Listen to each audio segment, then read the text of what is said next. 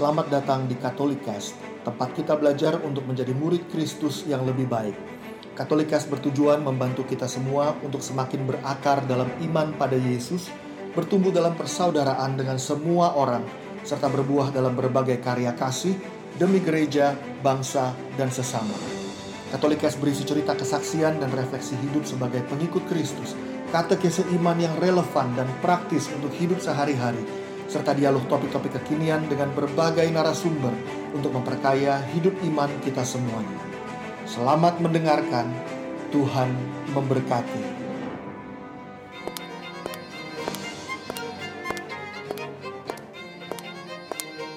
Sepatu kaca, wake up princess. Halo,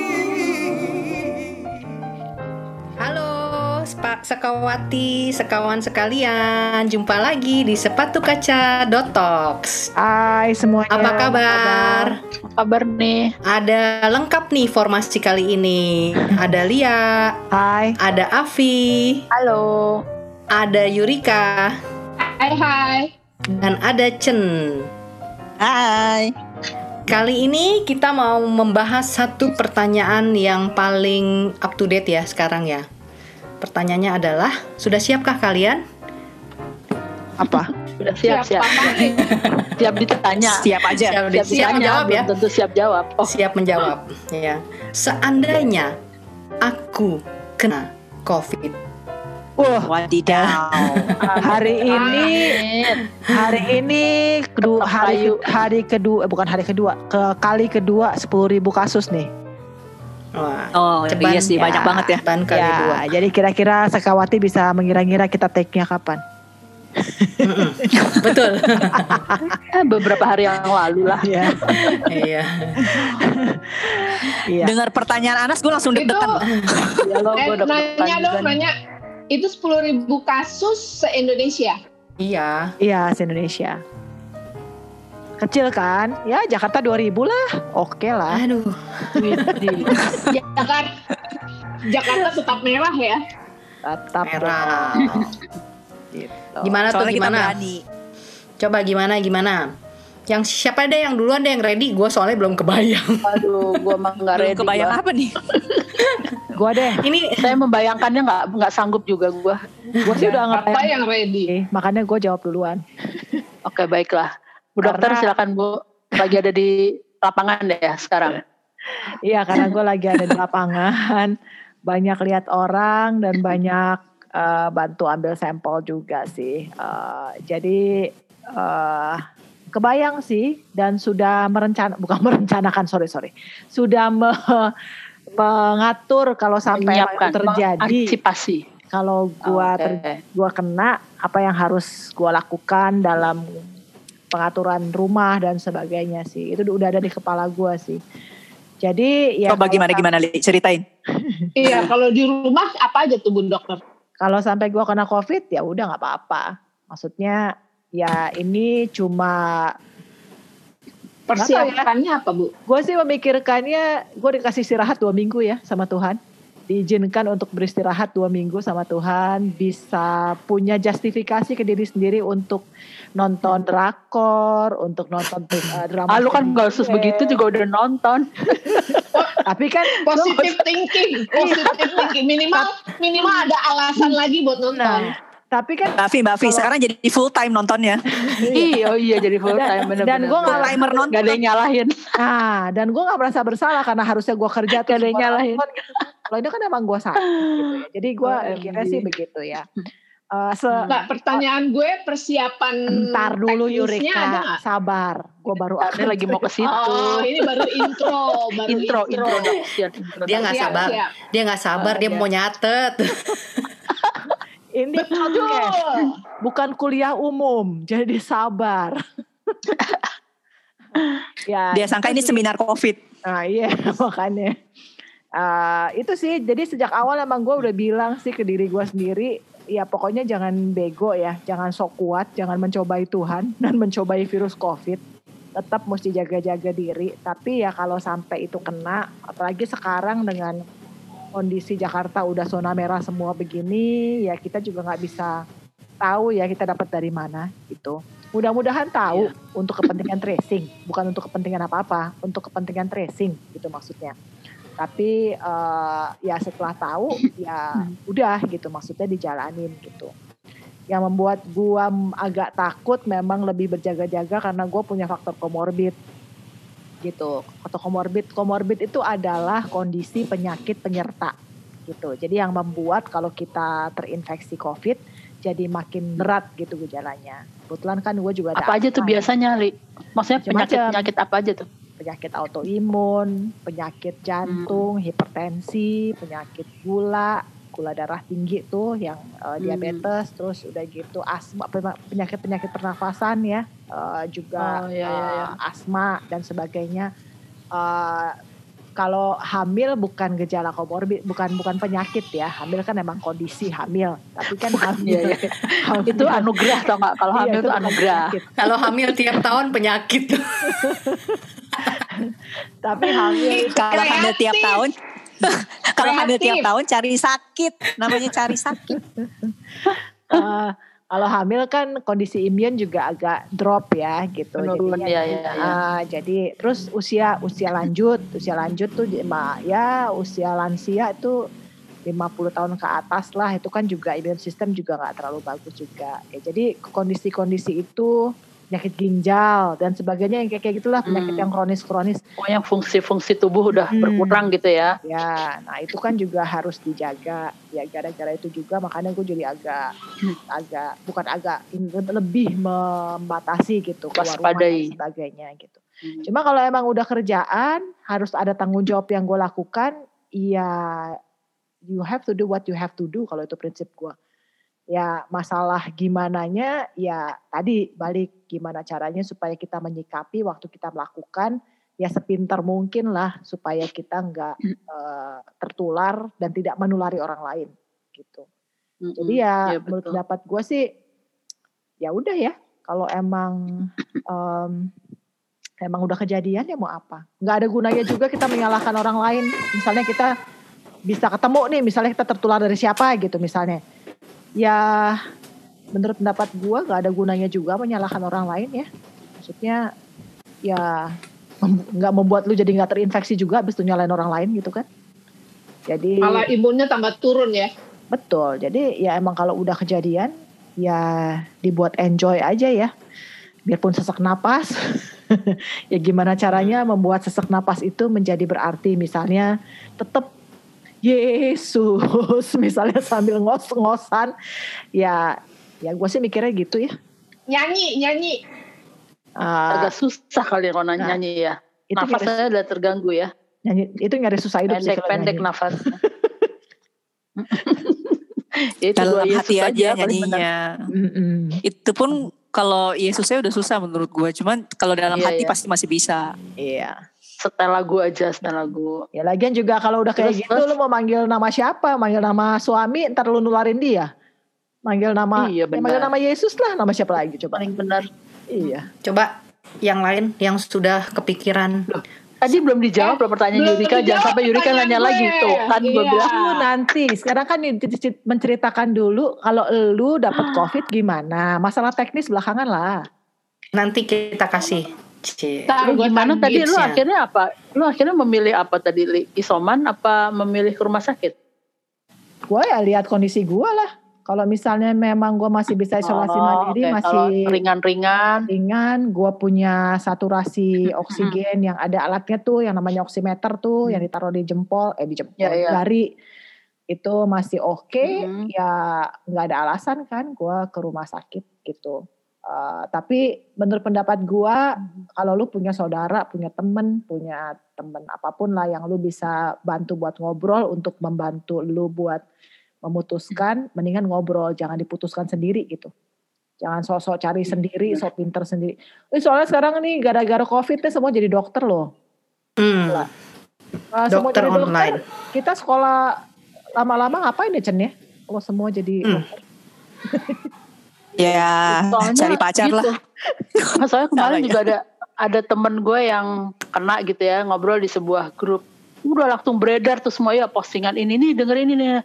Terus gue juga gue nontonnya sampai pusing gitu ini ini bener Hmm. apa enggak nih kata dokter apa bukan gitu loh kan. Apalagi yang sakit ya. karena iya apalagi sakit pusing kan semua orang ngasih ngasih saran ini nih obat-obatan nih katanya ini katanya ini terus gue cuma bilang itu kata dokter apa bukan ya gue cuma Mm-mm. bilang gitu ya kalau gue nggak percaya cuma sama dalam hal ini cuma sama dokter ya dokter kan Mm. sekolahnya susah ya Mm-mm. Maksud, gitu jadi ya itu sih mungkin kalau kondisi yang tambah membingungkan adalah beredar di Belum Apa, di yang sosmed itu, itu yang kesaksian yang sembuh. berita-berita Itu juga Iya, kasih padahal kan- tipsnya banyak tuh. betul karena kan kasus orang beda-beda ya Mm-mm. Li ya maksudnya Badan orang Ya, beda-beda. eh, gue sembuh gara-gara minum obat ina ini ini karena karena kondisi gue begini. Iya. Yang Iya. lain kan belum tentu kan. Iya. Ya, itu Gue sampai bingung tuh membaca resep resep gitu. orang bisa beredar-beredar tuh yang gue paling Nah pusing. itu dia bikin Nih, terus ditambah-tambah ini ini dia sembuh nih Iya. gara-gara ini tuh. Gue bilang aduh, gue bilang gitu. banyak tukang Agak obat. menyesatkan. Mungkin yang bisa jadi Harus patokan cuma vitamin ya. Kalau vitamin sih nggak apa-apa. Iya. Vitamin B, eh vitamin C, vitamin D, vitamin E, E, itu tahu dosis per hari. C D E Hmm. C D E sing. Ya itu masih nggak apa-apa Ya lah. Dan itu kan sebenarnya kan cuma tahu dosis per hari kan. Tapi kalau yang lain-lain Iya. kayak tadi lah ada tiba-tiba perlu minum asetro, tiba-tiba Obat antibiotiknya itu loh. ah ah, dan sebagainya gue bilang kalau emang nggak ada gejala, emang OTG ya, maksudnya Waduh. gejala, Mm-mm. cuman ketahuan positif doang, ya sebenarnya Iya. apa relevansinya lebih Bisa-bisa. gituan gitu. Sembuh soft covid tapi lambungnya parah. Ginjalnya kena Ya, obat-obatan Iya. itu. tetap Iya, iya, itu kan betul, betul. case by case lah. Iya betul. Iya, gue gue setuju sih bahwa itu case by case. Maksudnya eh, setiap orang pasti kasusnya beda karena ya di tubuhnya kondisi kesehatannya berbeda-beda kan. Betul. Mm-mm. Oke, lanjut Ayo, coba deh. yang lain yang sudah Yang siap menjawab. Kalau gue sih nggak tahu ya. Gue setuju bahwa kita eh, yang umum-umum aja tuh. Kalau yang tadi kayak vitamin. Soalnya kemarin gue baru ketemu temen gue. Dia bilang kan ada satu temennya juga di Jerman dokter gitu. Terus dia kadang-kadang bingung sama orang Indo. Kok kasihnya macam-macam gitu. Eh, karena di sana cuman anti nyeri atau anti demam di sana. gitu. Obatnya cuman itu gitu. Eh, tapi ya balik lagi sih. Kalau memang kita masih isolasi mandiri di rumah ya nggak tahu ya kalau gue itu sampai kejadian di, di gua gitu masih isolasi mandiri ya gue akan minum sebatas yang tadi vitamin dan juga anti nyeri anti demam seperlunya gua tapi memang kalau kita udah sampai masuk rumah sakit itu rumah sakit punya protap yang berbeda dengan masing-masing betul. dengan masing-masing kondisi orang jadi dia akan cek lagi saat itu kondisinya gimana dan dia akan masuk ke Benar. protap tertentu yang memang sudah ditentukan oleh eh, bersama gitu. Entah itu dokter Betul. penyakit dalam, entah itu dokter anak gitu. Jadi kalau yang di rumah ya standar-standar aja sih memang sambil terus ngecek eh, saturasi oksigen kalau Saturasi, memang ya. dirasa agak sesak. Kalau itu pun dirasa agak sesak. Eh, kalau sama suhu lah berarti yang penting. Kalau gue sih sama Amalia ya kalau gue sampai kena sih bukannya karena bukan gue bilang nggak apa-apa, tapi gue nggak bisa apa-apa. Toh udah kena, nggak bisa apa-apa gitu. Jadi mau nggak mau harus diterima. Gue nggak bisa tolak juga itu lagi saat kalau udah kena ya. Kalau masih belum kena gini ya gue bisa gue bisa mau berdoa supaya nggak kena, gue mau tengking, gue mau tolak bisa gitu. Tapi begitu udah kena nggak bisa apa-apa gue. Gitu. Jadi ya gue akan terima juga. Ya gue akan isolasi mandiri karena sebelum waktu kemarin di bulan apa aja itu gue sempet sakit eh, demam sakit kepala mialgia Hmm. Eh, gue ya gue pikir tapi gue nggak ada sesak gitu jadi gue langsung isolasi mandiri tapi memang waktu itu kita belum angkanya setinggi ini sehingga gue tidak melakukan tes Hmm. eh, tidak melakukan PCR pada saat itu tapi gue melihat bahwa gue tidak ada gejala respiratori ada. Hmm. Betul, gejala-gejala respiratori itu gue nggak punya gitu. Jadi gue berpikir ya ini mungkin yang orang bilang fluturan atau Respirator itu mungkin pernafasan ya maksudnya. pernafasan. Nah, jadi gue nggak ada nyeri tenggorok. Oke. Betul, gue nggak ada nyeri tenggorokan, gue nggak ada batuk, gue nggak ada pilek, gue nggak ada anosmia atau kehilangan penciuman, gue nggak ada sesek sehingga gue merasa ini jauh dari respiratori gitu, dari gangguan eh, ISPA gitu, saluran Hmm. pernafasan. Sedangkan kan kalau COVID lebih menyerangnya ke sana. Iya. Jadi ya gue stay at home, uh, minum analgetik sama antipiretik gila gue demam tiga hari waktu itu. Sebenarnya udah deg-degan juga gue covid, tapi setelah gue gue mencoba memakai akal sehat gue dengan pengetahuan gue. Jadi ya udahlah, gue pikir gue tunggu aja. Nah, dan mungkin juga waktu itu gue cikungunya, gue nggak tahu juga deh. Jadi Hmm, uh, ya puji Tuhannya, uh, puji Tuhan Sehat. setelah lima hari eh, sakit kepala gue mulai jauh berkurang, mialgianya juga iya. Eh, seminggu gue udah oke fit lagi sih maksudnya. Gitu sih. Iya. Gue bahkan Iya sih. saat itu gue gue bahkan gue nggak tahu ya karena sebenarnya gini pada saat sakit ya, apalagi yang berat gitu ya, eh, itu aja gue merasa nggak terlalu berat itu gue satu nggak nafsu makan, jadi gue makan Hmm. gue paksakan. Nah untuk memasukkan vitamin segitu banyaknya yang tadi disebutkan itu nggak gampang loh. Iya betul. Secara Hmm. oral Iya lagi. Betul. Benar-benar. Iya. Tuh, kalau. Gede-gede ya. iya kalau lu sehat, lu bisa tuh minum vitamin semudah itu. Mm-mm. Tapi begitu lu lagi sakit itu susah banget sih. Nelen aja sakit ya vitamin. soalnya ya. Bu- Iya. Bukan mbak, maksudnya iya bisa kalau lu sakit leher apalagi gitu kan, nelan sakit. Tapi Tenggorokan ya. efeknya gitu loh. Kalau Iya. perut lu nggak enak lah, Iya, misalnya lu agak mual atau apa, itu kan obat obat-obat vitamin yang berlebihan itu malah bikin lu tambah nggak enak di lambung gitu. Hmm. Jadi, Iya, iya. mm-mm. jadi memang teorinya gampang, tapi Iya, begitu iya. lu udah sakit nggak segampang gitu. Betul. Gitu. betul. Benar. Memang kalau kalau sakit sih maksud gue makan aja nggak nafsu gitu kayaknya berasanya tuh down Betul. banget gitu ya maksudnya mau bangun Iya. aja kayaknya apa mau ngapa-ngapain berbuat sesuatu yang baik buat badan tuh kayaknya juga susah gitu Nggak punya betul. tenaga pada saat Iya. itu sih. Gue sakit juga Iya. nafsu makan. Alhamdulillah, Tetap ya? puji Tuhan. Ya benar puji Tuhan loh. Tergantung makanannya. tapi untungnya memang Hmm. Tapi untungnya kemarin nggak mual. Jadi gue ngebayangin kalau ada orang yang kena COVID dan gejalanya mual, Mual. itu nggak bisa masuk iya apa-apa. bener Gitu. Minum aja Iya, mungkin iya, dia muntah. betul-betul. iya bener Nah, begitu itu terjadi, maka mungkin perlu dipikirkan untuk ke rumah sakit gitu. Karena kalau bisa Perlu infus asupan, gitu kita bisa kali ya. betul, Iya. kita bisa Iya. dehidrasi, kita bisa kurang kalori. Nah itu gimana caranya gitu kan? Kalau nggak mau ke rumah sakit juga, iya makanya tiap-tiap orang harus dilihat sih masalahnya Kasusnya apa. beda-beda ya. Iya sih. Betul. Masalahnya orang juga banyak yang nggak aware badannya karena kita terbiasa toh. Tapi maksud gue, gue sepanjang uh, musim covid ini tuh bener-bener ditegor loh. Maksudnya harus bener-bener memperhatikan kan kita kan udah tahu nih gejalanya apa atau apa. Jadi itu bener-bener harus masuk ke dalam diri sendiri dan melihat apakah gejala ini ada apa enggak gitu kan ya. Dulu-dulu mah mana pusing. Dulu dulu mah pusing, mau pusing dikit kan ada obatnya, mau apa segala macam. Kalau sekarang kan mesti observe ya. Maksudnya ciri-ciri covid hari, kan ini. lu lu tiap hari nyium ketek ya? Kalau masih kecil berarti aman. Masih kecium nggak? Itu bercandaan di rumah begitu loh sekarang. cium, cium-cium ketek. Nah, Cium ketek bau. Cium Nah, ketek. berarti masih sehat. Hah? Eh, ketek apa kaki? Atau kentut? Ketek atau kentut. Kalau kaki nggak bau sih. Oh, puji Tuhan sih. Iya sih, benar juga loh. Coba siapa lagi? At- jorok ya atau main abap-abapan pagi-pagi jorok ya. Ya gitu sih. Bercandanya jorok. Ih. Tapi kalau masih kecil lalu bersyukur. Nah, saat-saat sekarang ini loh bau abab, bau ketek itu disyukuri. Karena lu bisa nyium baunya. gitu. Coba Mbak, gimana Mbak? Di kau Mbak? Apa gue? Gue gue kalau kena covid ya. Amit-amit ya. Dalam nama Yesus semoga gue gak kena. Tapi kalau sampai kena ya seperti tadi Lia bilang ya maksudnya ya tetap berusaha tetap positif sih. Tapi gue setuju sih bahwa kita harus cerita kepada teman gitu ya, cerita ke teman, apalagi teman eh, komunitas atau teman kelompok gitu. Karena ya selain kita berbagi ya mungkin mereka ada terutama ke teman-teman mungkin yang udah ber, udah survivor gitu ya, yang udah udah sembuh gitu mungkin dia bisa kasih pengalaman paling enggak dia bisa cerita tentang eh, kalaupun bukan soal obat-obatan ya karena soal obat-obatan gue akan lebih percaya kepada temen gue yang dokter gitu ya. Tapi paling nggak dia bisa menceritakan bagaimana mengolah emosi dia gitu. Karena gue eh, dapat cerita dari beberapa teman ya emosionalnya berbeda-beda ya tapi pengaruh gitu kan. Emosinya lebih kepada itu nggak bisa makan eh, nggak bisa nyium bau apa kesel gitu sendirian gitu apalagi yang isolasi mandiri gitu ya.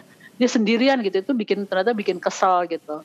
Gitu sih kalau gue sih gue rasa gue mungkin mesti cerita terus gue apa lagi ya Eh, yang pasti kalau di rumah eh, di rumah ya gue eh, gue akan akan mengisolasi diri gue sendirilah di salah satu kamar yang ada.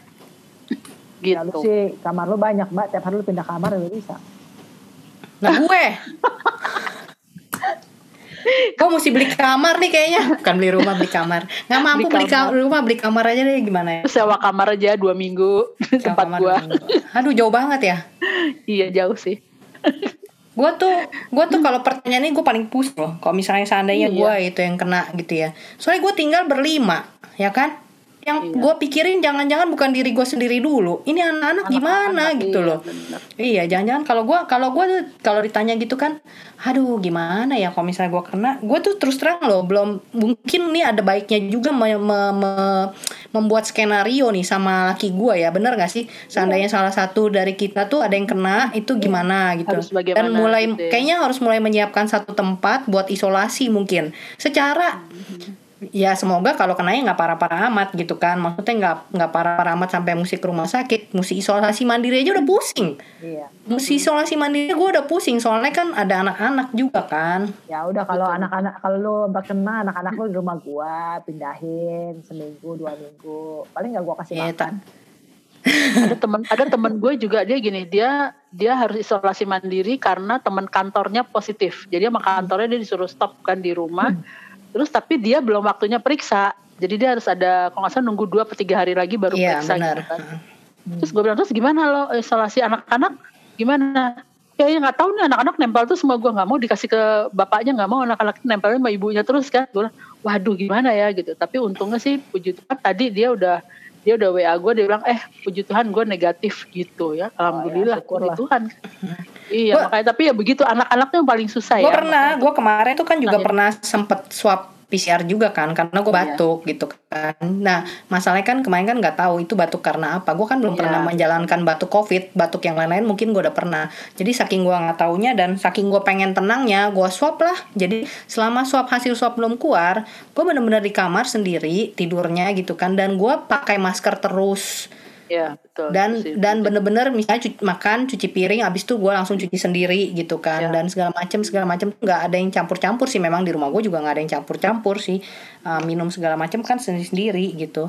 Ya gitu kali ya paling ya. Tapi sementara itu, ya. sih gitu. Itu- Saya melindungi diri sendiri dan keluarga ya paling nggak kan itu yang sama Iya, itu eh, rasanya eh, mesti dibikin sih, terutama di keluarga ya. Misalnya planning gitu. Ya, Skenario. gini, kan banyak orang yang nggak Ya. mau ngomongin hal yang buruk, kesannya kayak knock on wood gitu loh, kayak amit-amit. Iya. ya. Tapi kan ini bukan Iya. masalahnya amit-amit, masalahnya ini realita gitu. Kalau itu mungkin terjadi gitu dalam kehidupan kita. Dan kalau itu terjadi, itu bukan dosa, itu bukan aib, itu bukan sesuatu Iya, yang iya. memalukan. Ini Bukan hanya- kutukan juga. Bukan kutukan juga. Ini Iya. dalam tanda kutip hanya ada virus yang masuk ke tubuh kita dan kebetulan sekarang lagi pandemi gitu. Sebenarnya kan sama aja sama kayak kita dapat eh, influenza ya. Gue nggak ngomong sama aja apple to apple banget ya, enggak ya. Tentu saja ini lebih menular dan sebagainya. Tapi ya karena kondisinya yang kayak gini kita mesti saling membantu loh. Itu tadi gue barusan ketemu Betul. sama satu pastor dari daerah timur baru ngobrol mereka itu kalau sampai ada yang covid rumahnya mau dibakar loh. Iya. yang kena covid. Oh sampai segitunya ampun. gitu maksudnya. Jadi tadi ya mungkin itu yang bikin orang tuh nggak mau terbuka ya. Takut dia itu Heeh. takut dianggap kayak orang kusta zaman dulu kan lalu dikucilkan. Terus padahal ada kan harusnya satu, di Oh, ini di Jakarta nih keluarga modern nih maksudnya suaminya kena nih positif. Terus udah Hmm. gitu uh, udah negatif dua kali bahkan sama kebetulan dia tinggal di rumah mertuanya gitu. Mertuanya Hmm. nggak mau makan sama dia nggak mau dia mertuanya sangat ngo anak-anak jangan jangan deket-deket dulu sama bapaknya habis tapi udah udah negatif ya udah gitu loh. Ya, maksudnya Hah. lu udah cek Mhm. bahkan sampai dua kali PCR negatif lu mau apa lagi? Masa dengan itu lu Iya. dijauhin seumur hidup? Ya jangan begitulah. Maksudnya kalau sampai kita ada di posisi mereka gimana rasanya coba? Kan nggak nggak asik juga ya. Itu sih bukan bukan bukan cuma nggak asik ya nggak nggak baik loh. Iya, baik. kan itu gitu. jahat sih. Itu jahat sih gitu. Iya. Gue eh gue ada nih di di sebuah eh, grup gue gitu ya. Eh, itu tuh mereka eh, mereka bagus loh. Maksudnya begitu tahu temennya ada yang positif gitu ya mereka tuh kasih semangat gitu. Terus mereka juga eh, bikin doa bareng gitu ya buat ngedoain temennya gitu kan.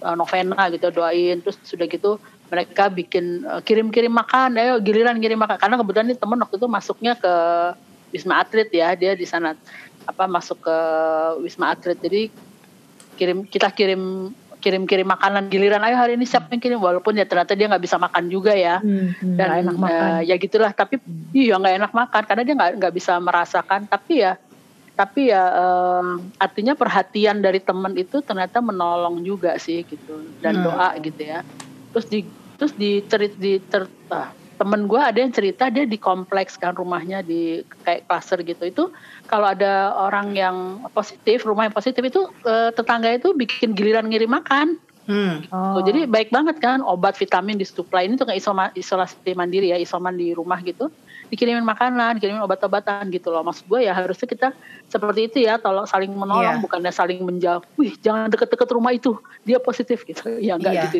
juga kali kan Iya. Hmm. oh Itu, Gue setuju sih. das Iya. Semoga gue juga bisa itu, menjadi orang uh-uh. seperti itu ya, yang suportif Betul. ya. Su- ya ya Iya, suportif itu penting banget. Jangan sampai kita kepo tapi nggak nolongin apa-apa. Bener Kepo banget nih, pengen tahu kenapa dia bisa kena, dia kena dari mana, segala. Terus udah dan sampai situ nggak ngapa-ngapain Iya. gitu. Iya. Butejo. Jadi- Butejo. Malah digosipin. Iya, COVID-nya digibahin. Gosip gof iya. Digosipin malah sih itu. Parah sih itu Iya, ya, ya itu sih Nas. Maksudnya ya mungkin ada hal-hal yang mesti kita lakukan ya kalau udah kayak gitu ya. Maksudnya yang jangan cuman penting ya, jangan cuma membombardir orang sama WA. Kadang-kadang orang kalau udah sakit ya tuh ya, lagi yang nggak jelas dan jangan mengambil asumsi kalau lu bukan ahlinya. Jangan Ya, mengambil setuju. asumsi kalau lu bukan ahlinya ini pasti sembuh. Kalau ini terapinya ini, jangan ngambil kesimpulan gitu.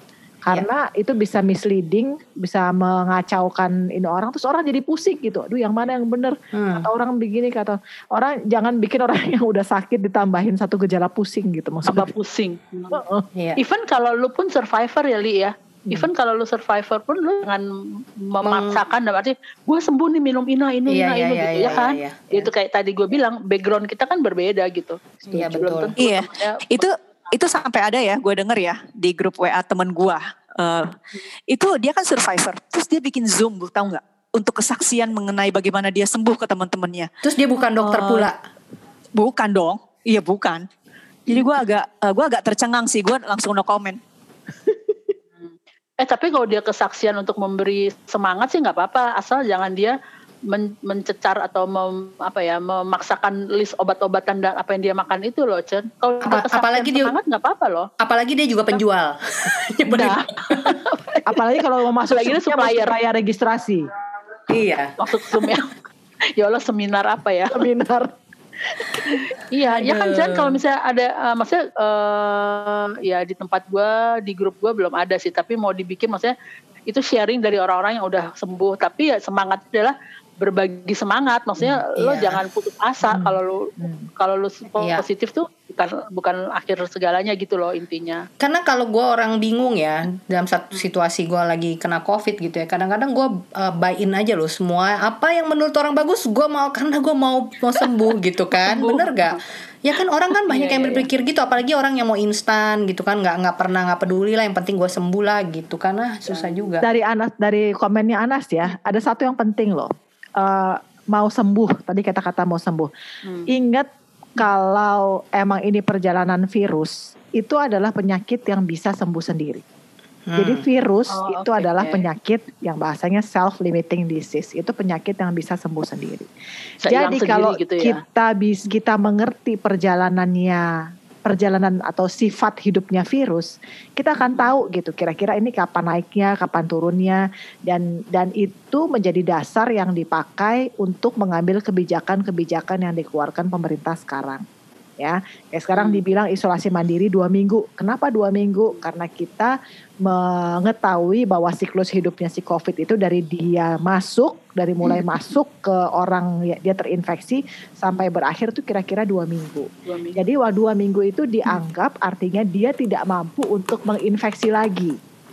Tentu Hmm. saja pastinya konfirmasi utama adalah dari eh, apa namanya gejala klinis apa eh, apa ya ya ya ya, ya itu demam masih ada apa enggak dan ya. sebagainya gitu. Tapi kalau udah nggak ada ya artinya kita meyakini virusnya memang udah nggak ada. Biarpun PCR-nya hasilnya sekarang saya rasa semua Mas Sekawati Mas Sekawan juga udah familiar dengan PCR ya.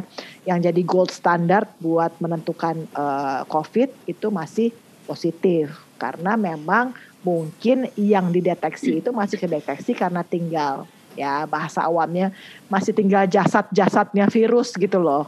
Uh, masih Tapi ketangkep udah nggak aktif gitu ya. tapi udah nggak aktif Hmm. gitu. Jadi penting untuk tahu perjalanan penyakit itu. Makanya sebetulnya ya tadi ya tak cari tahu itu bagus sih, tapi ya tadi jangan semua yang ada tuh dimakan dan bikin lu jadi stres juga gitu. Ya. Maksudnya Hmm. karena semua Mungkin- itu sangat individual. Kenapa Chen? Satu, kalau gue sih satu kalimat sih. Perlu cari tahu tapi jangan so tahu. Perlu cari tahu. Ya, boleh. Jangan so Tapi tahu. jangan so tahu. Oke oke.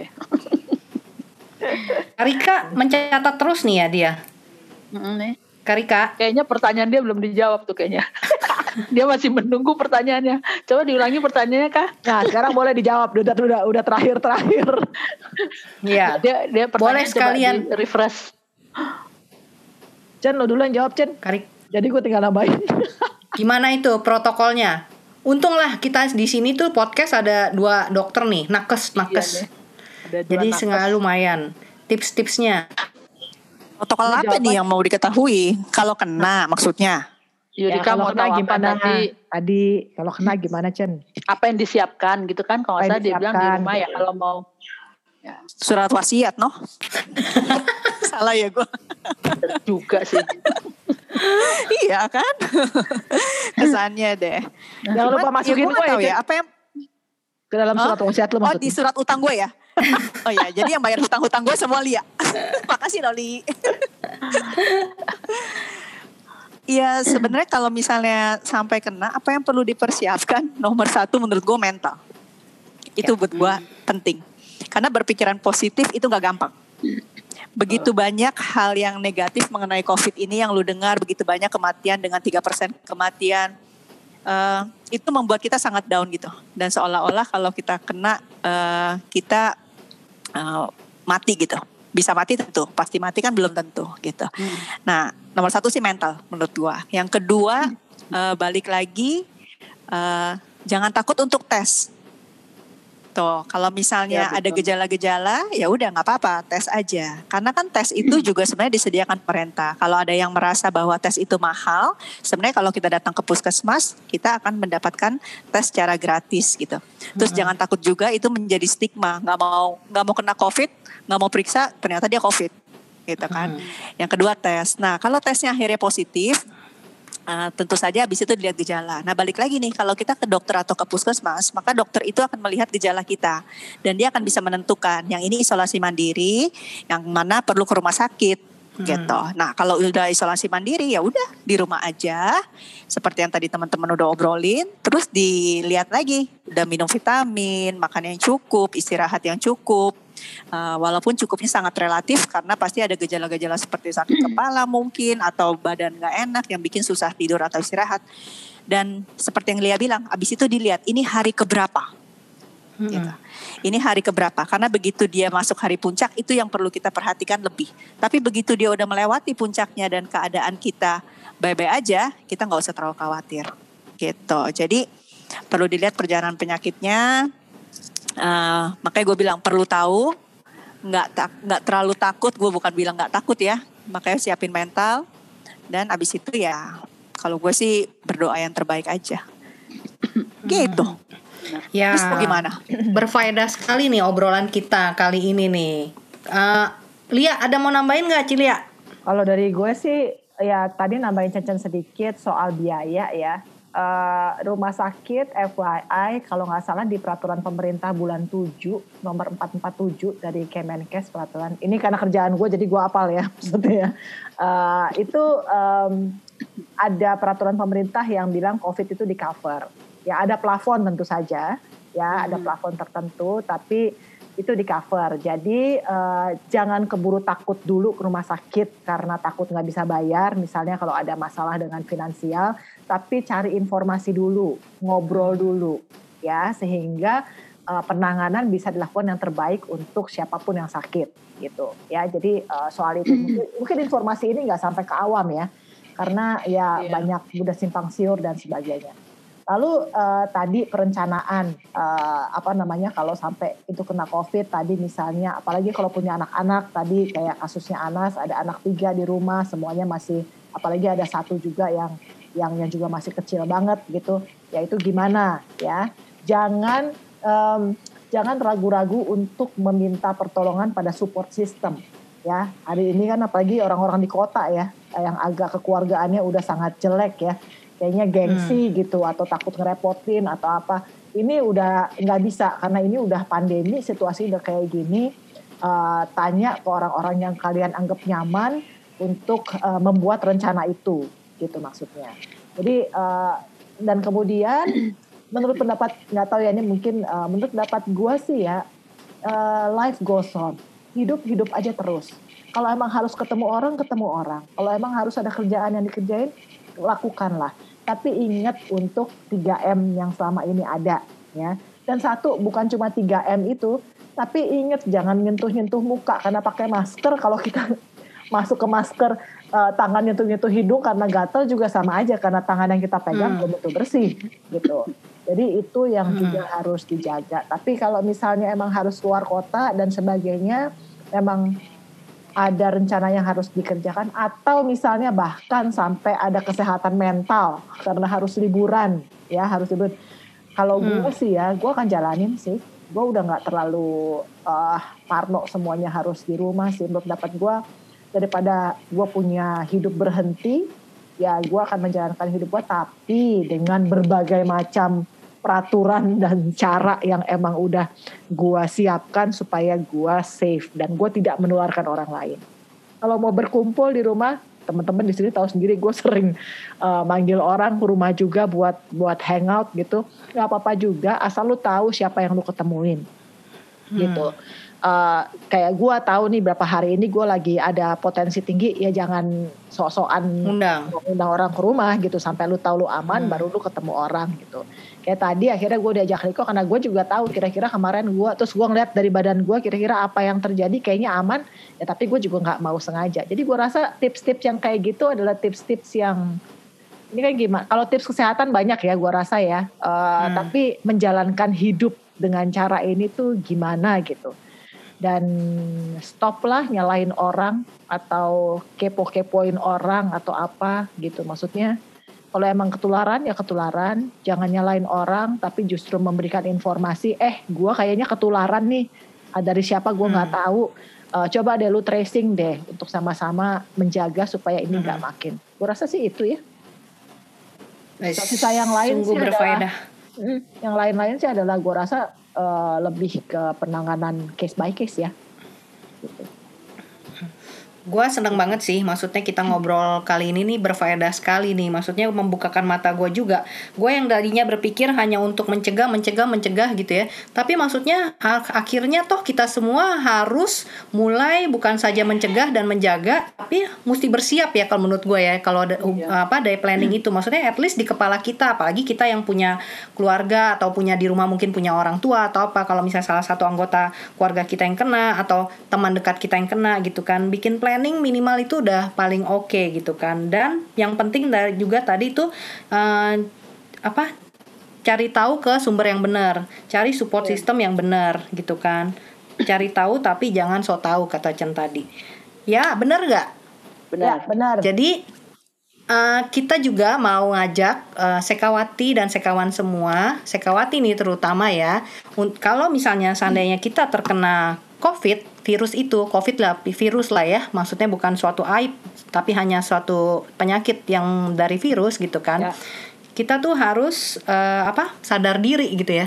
Maksudnya udah cari per- eh, cari pertolongan, life go- goes on dan kita juga mau bilang sama Sekawati sekalian, Wake up, princess.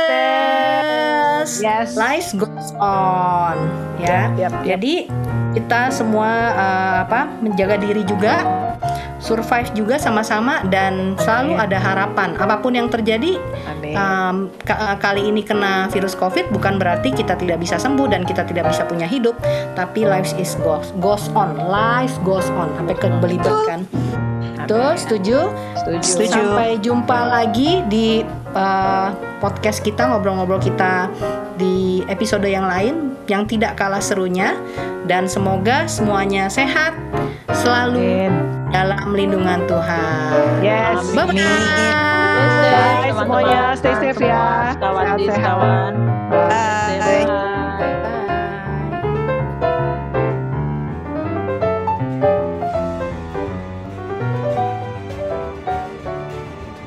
Terima kasih telah mendengarkan podcast ini. Jangan lupa untuk berbagi Katolikes kepada para sahabat dan kenalan kita, supaya semakin banyak orang mengenal kabar gembira Tuhan Yesus dan mengalami kasih-Nya yang memulihkan, menguatkan, dan memberkati. Sampai jumpa di episode Katolikes yang lain.